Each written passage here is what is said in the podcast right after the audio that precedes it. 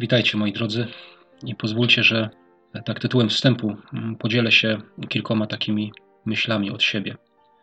Po pierwsze chcę powiedzieć, że bardzo jestem wdzięczny Bogu za każdego z Was, za każdego, kto słucha, za każdego, kto też czeka na to nagranie. Naprawdę błogosławię każdego i modlę się o to, aby to, co robię, a raczej chciałbym powiedzieć, aby to, co Pan robi przeze mnie, przynosiło każdemu błogosławieństwo i pożytek. Cieszę się z tego, że mogę to robić i poczytuję to sobie za łaskę od Boga, zwłaszcza dzisiaj, bo chcę tak się podzielić z Wami e, takim czymś niespodziewanym, co mi się wydarzyło dzisiaj. I od razu chcę zaznaczyć, drodzy, że nie mówię tego po to, żeby się chwalić, ale po to, żeby pokazać na Boga działającego w życiu, na to, na to jak Pan Bóg działa w życiu człowieka w tym przypadku dzisiaj we mnie. Drodzy, obudziłem się dzisiaj rano, strasznie źle się czułem i do tej pory czuję się nie najlepiej. Miałem podwyższoną temperaturę, chyba jakieś mi się tam wdaje, nie wiem, zapalenie pęcherza czy coś takiego. E, strasznie mnie boli głowa e, i powiem, boli mnie wszystko. Teraz może już troszkę mniej, ale rano bolało mnie dosłownie wszystko. Skóra ciała, jak zakładałem spodnie i ocierałem o nogi, to normalnie mnie to bolało. E, nogi w ogóle tak mnie bolały, e, ręce, plecy, wszystko, totalnie wszystko. E, bardzo mnie to wszystko bolało i fatalnie się czułem. Ale co chcę powiedzieć i na co chcę zwrócić uwagę, kochani, na to, że my w słabościach naszego ciała, tak po ludzku, jesteśmy skłonni, żeby sobie odpuszczać. Jesteśmy skłonni, żeby dać sobie spokój. A tak się dzisiaj źle czuję. Co będę robił? Położę się, poleżę sobie, odpocznę, tak, wykuruję się. Drodzy, ja mam taką nadzieję. Wiecie, dzisiaj rano się modliłem i dziękowałem Bogu za, za ten mój stan. Dziękowałem Bogu za to, że tak się źle czuję, że tak mi wszystko boli. I prosiłem Boga nie o to, żeby mnie uzdrowił, ale o to, żeby się uwielbił w tej chorobie. Dlatego, że apostoł Paweł co powiedział? Że pełnia Bożej mocy objawia się w słabości. I dobrze jest być czasami słabym. I to, że dzisiaj nagrywam na przykład, to to jest Boża łaska, która działa we mnie. I apostoł Paweł kiedyś powiedział w liście do Koryntian bodajże tak e, powiedział, że wszak ja daleko więcej pracowałem niż inni.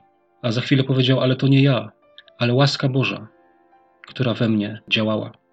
I drodzy, zachęcam do tego, naprawdę, zachęcam do tego, żeby, żeby nie odpuszczać, żeby zawsze robić to, co należy, żeby zawsze robić to, co trzeba, niezależnie od tego, jak się czujemy. Dla mnie takim obrazem najlepszym w tym temacie jest nasz Pan, Pan Jezus. Zobaczcie, jak jego bolało, jak wisiał na krzyżu, jak miał przebite ręce, jak miał przebite nogi, jaki to był ból, jak był, jak był ubiczowany. A mimo to, zobaczcie, on robił to, co trzeba. Pomimo tego wszystkiego. On przebaczył tym, którzy go bili, on modlił się o nich. Co więcej, chcę powiedzieć, on e, zainteresował się też losem i przyszłością innych ludzi, na przykład, na przykład Marii, która stała pod krzyżem, tak? I, I, jak Janowi mówił, żeby on miał w sercu, zobaczcie, troskę też o innych ludzi w tym swoim bólu i w tym swoim cierpieniu. Także e, życzę każdemu z nas, żeby właśnie taka Boża łaska w nas działała, żebyśmy sobie nie odpuszczali, nie? żebyśmy nie ulegali jakimś słabościom ciała, bo często tak może jest, że coś nas boli, coś nam doskwiera i my mówimy, a ja już mam wszystkiego dość i sobie, i sobie chcemy pofolgować i sobie chcemy pozwolić na to, żeby popuścić tej wodzy y, ciału i może chcemy to usprawiedliwić swoim samopoczuciem. Drodzy, zachęcam, tak, szukajmy takiej łaski, niech Bóg nas napełnia, niech Bóg nam pomoże. Przy okazji też chcę jeszcze powiedzieć, że jeśli, drodzy, macie y, jakiekolwiek pytania, sugestie, może jakieś opinie, czy jeśli może coś Was dotknęło czy poruszyło w jakiś szczególny sposób, to zachęcam do kontaktu ze mną w jakiejkolwiek formie, czy tam mailowo, czy przez Messengera, czy przez formularz jest na stronie, tak, do kontaktu, czy, czy przez Skype'a, jakkolwiek można się ze mną skontaktować i na pewno żadnej wiadomości nie zostawię bez odpowiedzi. Zachęcam, ale oczywiście nie zmuszam. Drodzy, a to, e, czym chciałem się z Wami dzisiaj podzielić, dwa razy w ostatnim czasie Dwa razy ono mi się mm, rzuciło, że tak powiem, w oczy, dwa razy mnie tak jakoś dotknęło, dwa razy je rozważałem pod pewnym kątem i tak jak drugi raz je rozważałem, to sobie pomyślałem, że może warto jest właśnie, żeby tym słowem się podzielić, dlatego że to słowo e, może nam pomóc, a może nas zachęcić do wytrwałości. Do myślenia dało mi, drodzy, to, co przeczytałem w liście do Galacjan, trzeci rozdział, 17 wiersz. Ja to przeczytam, ale z takiego przekładu, co się nazywa Słowo Życia, bo to tak do mnie bardzo fajnie przemawia. Galacjan, trzeci rozdział, 17 wiersz i mówi tak. Wniosek jest taki. Umowa zawarta przez Boga nie może być unieważniona przez prawo nadane 330 lat później i nie może ono anulować obietnicy. Tyle. Ten jeden werset jakoś tak przemówił do mnie i zaraz się podzielę w jaki sposób. Drodzy, od razu zaznaczam, że nie będę tutaj robił, jak zresztą często tak jest, że nie robię egzegezy jakiegoś danego fragmentu e, Słowa Bożego, tylko dzielę się tym, w jaki sposób to Słowo do mnie przemówiło, w jaki sposób ono stało się dla mnie żywe i w jaki sposób ono wywiera wpływ na moje życie. I tym się chcę z Wami podzielić. To, co tutaj przeczytałem, ten fragment, on dotyczy tej umowy zawartej przez Boga z Abrahamem. E, w innych tłumaczeniach właśnie jest to powiedziane, że to jest obietnica. Na przykład, może przeczytam z innego przekładu z Biblii Warszawskiej. Nawet tu jest napisane: Powiadam więc to testamentu uprzednio przez Boga uprawomocnionego nie unieważnia zakon, który został nadany 430 lat później, tak żeby obietnica była unicestwiona. Jak do mnie to przemawia, drodzy? Przemawia do mnie tak, że jest jakaś umowa, czy jest obietnica złożona przez Boga, i pomiędzy tą obietnicą a jej wypełnieniem jest jakiś czas. I w tym przypadku, tutaj co przeczytałem ten werset, to mm, możemy przeczytać, że w tym czasie pomiędzy obietnicą a jej wypełnieniem wszedł zakon. I tutaj nas Paweł uczy, że to, co weszło, właśnie ten zakon, który wszedł pomiędzy obietnicą a jej wypełnieniem, nie unieważnia tej obietnicy. E, w jaki sposób do mnie to przemawia? Mam nadzieję, że powiem to wszystko zrozumiale, bo to też e, może nie jest dla mnie takie aż takie proste, e, żeby to tak dobrze ubrać w słowa, bo powiem wam tak, ja doskonale wiem, co ja chcę powiedzieć i ja doskonale wiem, jak ja to rozumiem, tylko problem jest w tym, czy ja jestem w stanie to w taki właśnie sposób przekazać. Ale będę się starał z Bożą pomocą. Każdemu z nas powiem, że Pan Bóg coś obiecuje. I żeby e, tak uściślić, drodzy, to chciałbym powiedzieć, co to jest obietnica, bo nam, znaczy mi, mi na przykład słowo obietnica kojarzy się no, z czymś, że ja obiecuję Tobie, że zrobię to i to, nie? Że to w takiej formie przychodzi. A na przykład przeczytam z, z Biblii, znaczy nie z Biblii, tylko ze słownika Stronga, znaczenia tego słowa obietnica, tak? w, w jakich sytuacjach te słowo było używane. I to jest tak. Ogłoszenie, obietnica, ogłaszać, że ktoś ma coś zrobić bądź dostarczyć, obiecać z własnej woli, dobrowolnie, zajęcie się czymś, uprawiać zawód, zawodowo wykorzystywać swoje uzdolnienia. To mniej więcej mm, są takie znaczenia tego słowa greckiego użytego tam. I dla mnie właśnie najbardziej przemawia to, że obiecać z własnej woli dobrowolne zajęcie się czymś.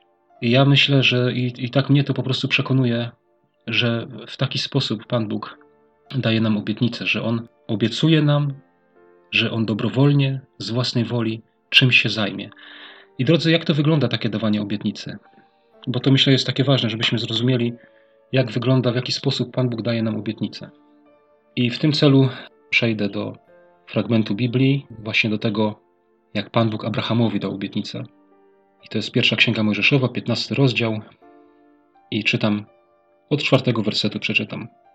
Chodzi tutaj, że Pan Bóg mówi do, jeszcze wtedy do Abrama i mówi tak: Wówczas doszło go słowo Pana. Nie ten będzie dziedzicem Twoim, lecz ten, który będzie pochodził z wnętrzności Twoich, będzie dziedzicem Twoim. Potem wyprowadził go na dwór i rzekł: Spójrz ku niebu i policz gwiazdy, jeśli możesz je policzyć. I rzekł do niego: Tak liczne będzie potomstwo Twoje. Wtedy uwierzył Panu, a on poczytał mu to ku usprawiedliwieniu. Wiecie, dla mnie to jest takie, takie coś wymownego, w jaki sposób tutaj Pan Bóg dał tą obietnicę Abrahamowi, bo mnie tutaj dotyka to, że on wyprowadził Abrahama na dwór i pokazał mu niebo. Włożył słowo do jego serca, powiedział mu, takie będzie Twoje potomstwo, i pokazał mu gwiazdy na niebie. I mi tutaj się maluje taki obraz, powiem, jak ja to przeżywam w moim życiu. Może przeżywacie podobnie.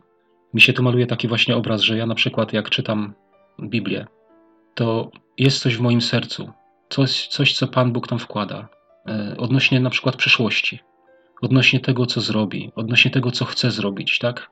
To, to jest jakieś pragnienie, to jest coś, co jest gdzieś w głębi mojego serca dane, a to spojrzenie w niebo i oglądanie tych gwiazd to jest, drodzy, wtedy jak ja czytam Biblię i widzę tam te gwiazdy, te świecące punkty, te, no te, te miejsca w Słowie Bożym, tak, które, które świecą do mnie tym Bożym światłem właśnie pod kątem tego, co jest w moim sercu.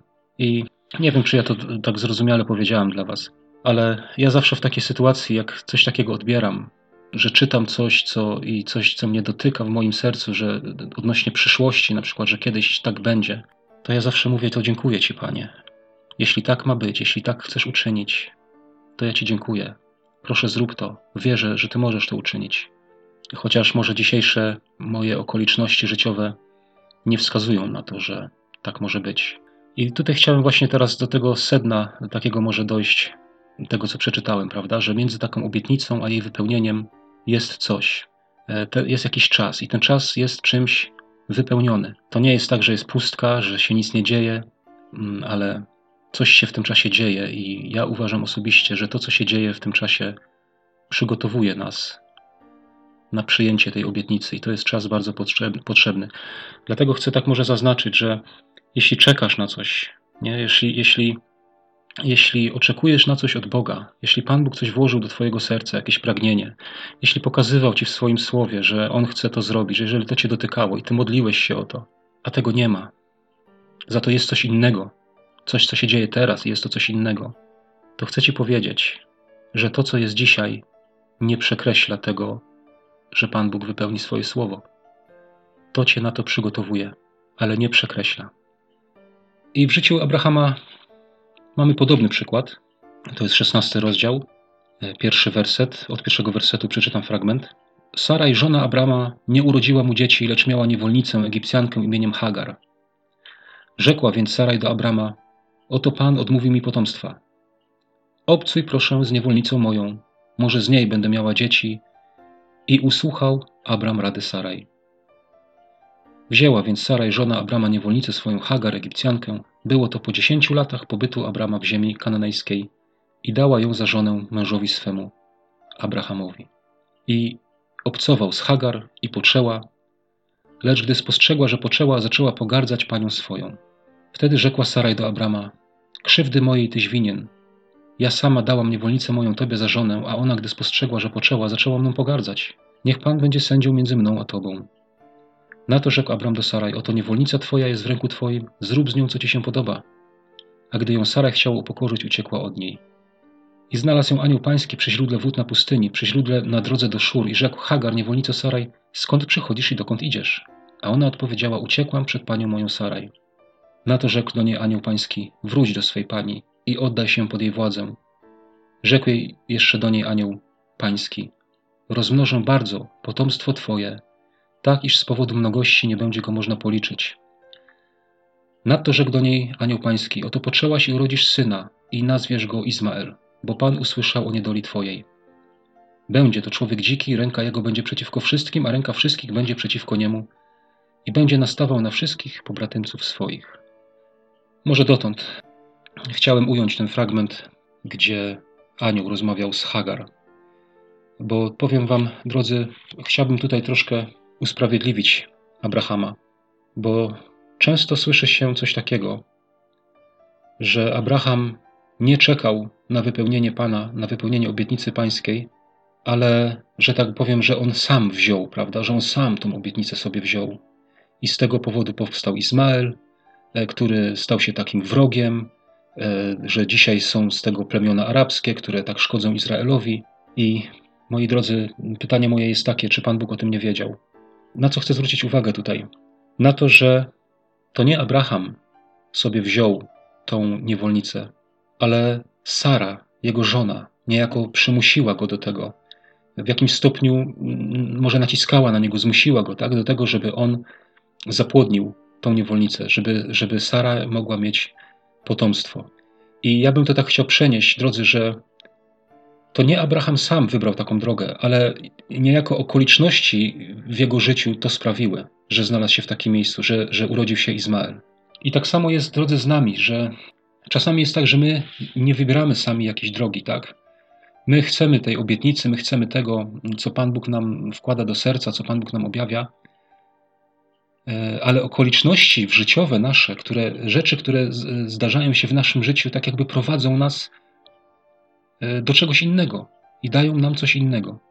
I moje pytanie jest właśnie takie, czy Pan Bóg o tym nie wie? Nie? Czy Pan Bóg o tym nie wiedział? Zobaczcie właśnie, na co chcę zwrócić uwagę. Na to, że anioł, jak przyszedł do Hagar na tej pustyni, to on jej dokładnie powiedział, kim będzie jej syn, jak się będzie zachowywał. Nawet powiedział, że jak ma mu dać na imię. Zobaczcie, to od Boga było imię Izmael.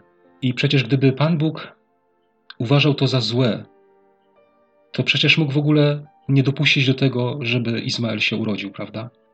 Powiem Wam moją taką myśl, którą ja mam w związku z tym.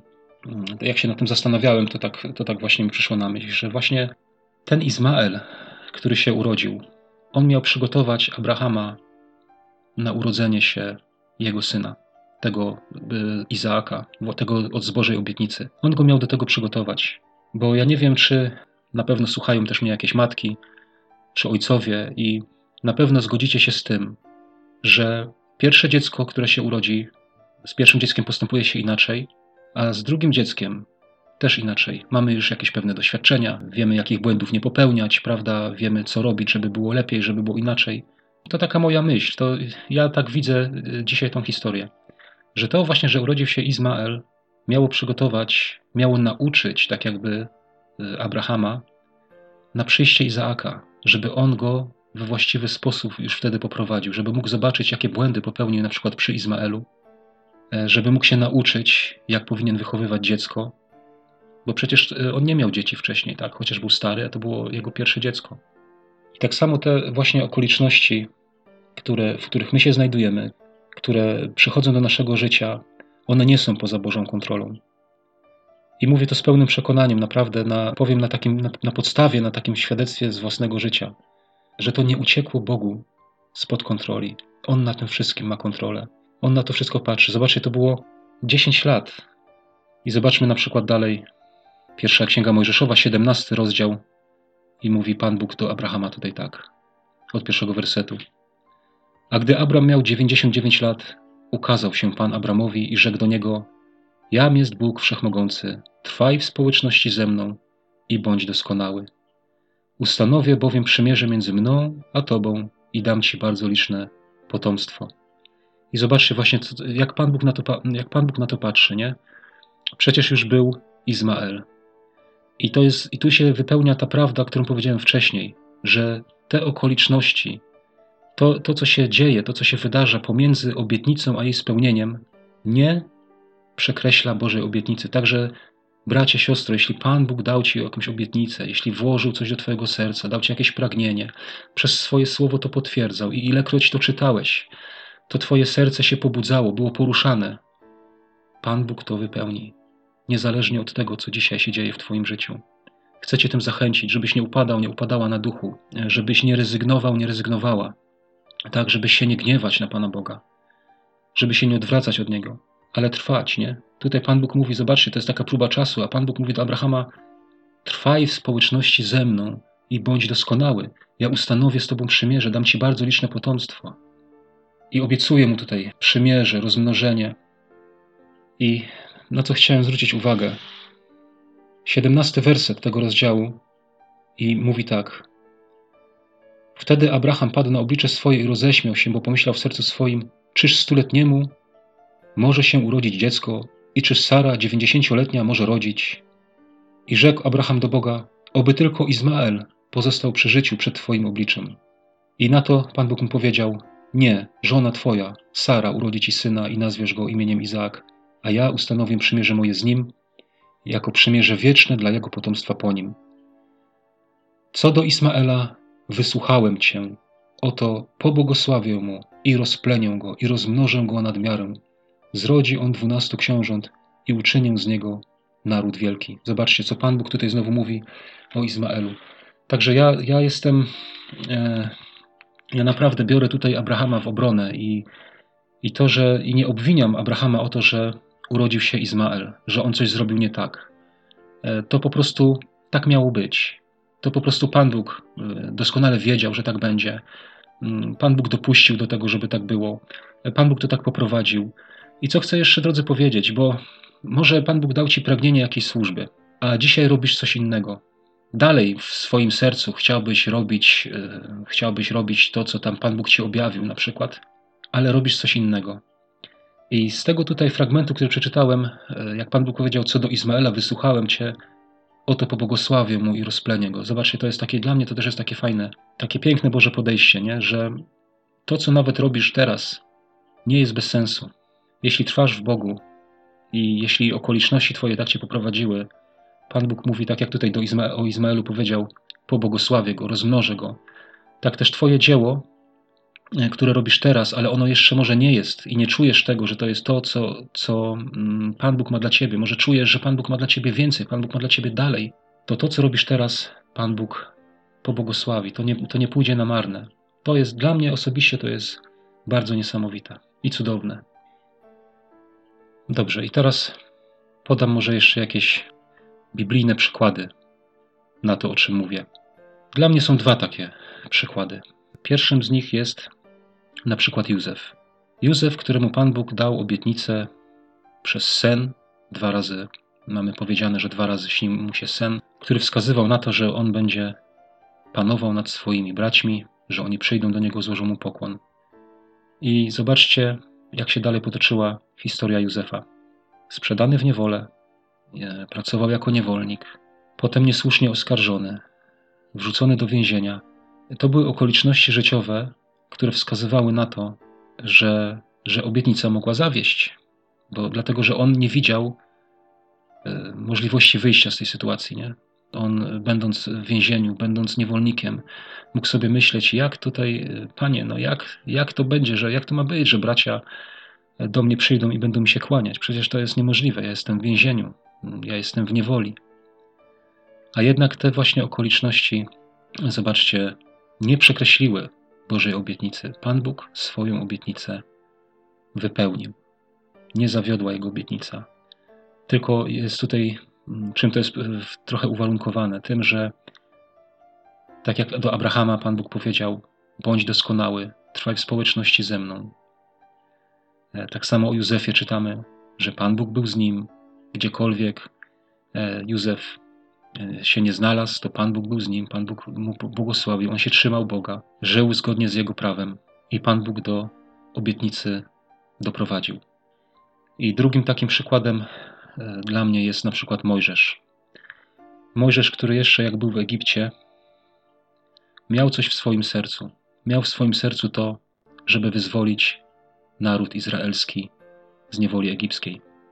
E, dlatego stanął w obronie E, Izraelitów, dlatego zabił Egipcjanina. I w dziejach apostolskich, e, w mowie Szczepana, możemy przeczytać, że Mojżesz wtedy mniemał, że jego bracia zrozumieją, że Pan Bóg daje im wybawienie przez jego ręce. Ale nie zrozumieli. Zobaczcie, to było w jego sercu. To było coś, co Pan Bóg włożył w jego serce, to było coś, co Pan Bóg mu objawił. I co się stało następnie?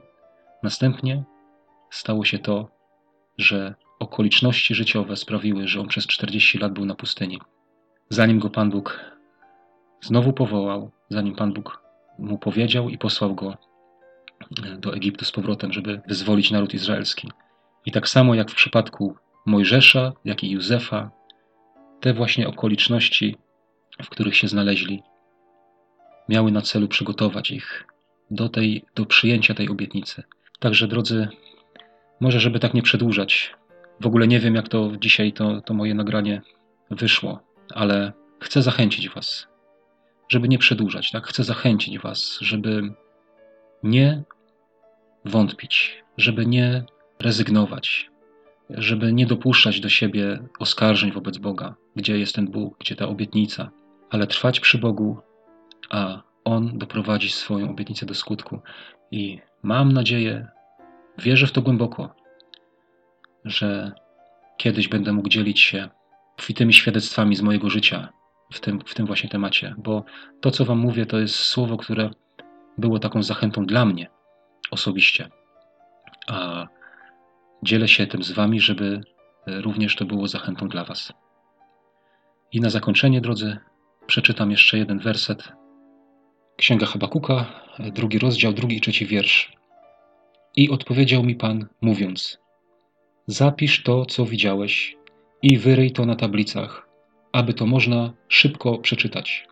Gdyż widzenie dotyczy oznaczonego czasu i wypełni się niezawodnie. Jeżeli się odwleka, wyczekuj go, gdyż na pewno się spełni, nie opóźni się. To niech będzie takie słowo dla nas na zakończenie, taką zachętą. Zapisz to, co widziałeś. Nie zapomnij o tym, co Pan Bóg Ci pokazał. Nie zapomnij o tym, co Pan Bóg Ci obiecał, co Pan Bóg Ci pokazał, że zrobi w Twoim życiu. Nie zapominaj o tym. Trwaj w tym. I widzenie dotyczy oznaczonego czasu i niezawodnie się wypełni. Bracie, siostro, przyjmijmy te słowa. Będzie tak, jak Pan Bóg powiedział. Bo tak jak też powiedział Pan Bóg do Abrahama, jak obiecał mu Izaaka, powiedział mu: Czy jest coś niemożliwego dla Boga? Bóg nie jest ograniczony naszymi okolicznościami, e, nie jest ograniczony tym, co się dzieje w naszym życiu. Ja powiem więcej, On pozwala na to, aby nas przygotować, abyśmy byli gotowi i mogli wziąć to, co nam obiecał. Na tym skończę, nie będę więcej przedłużał, bo chyba i tak już trochę za dużo mówiłem, a nie chcę Was, drodzy, zniechęcić do siebie, ale chcę Was błogosławić. Amen.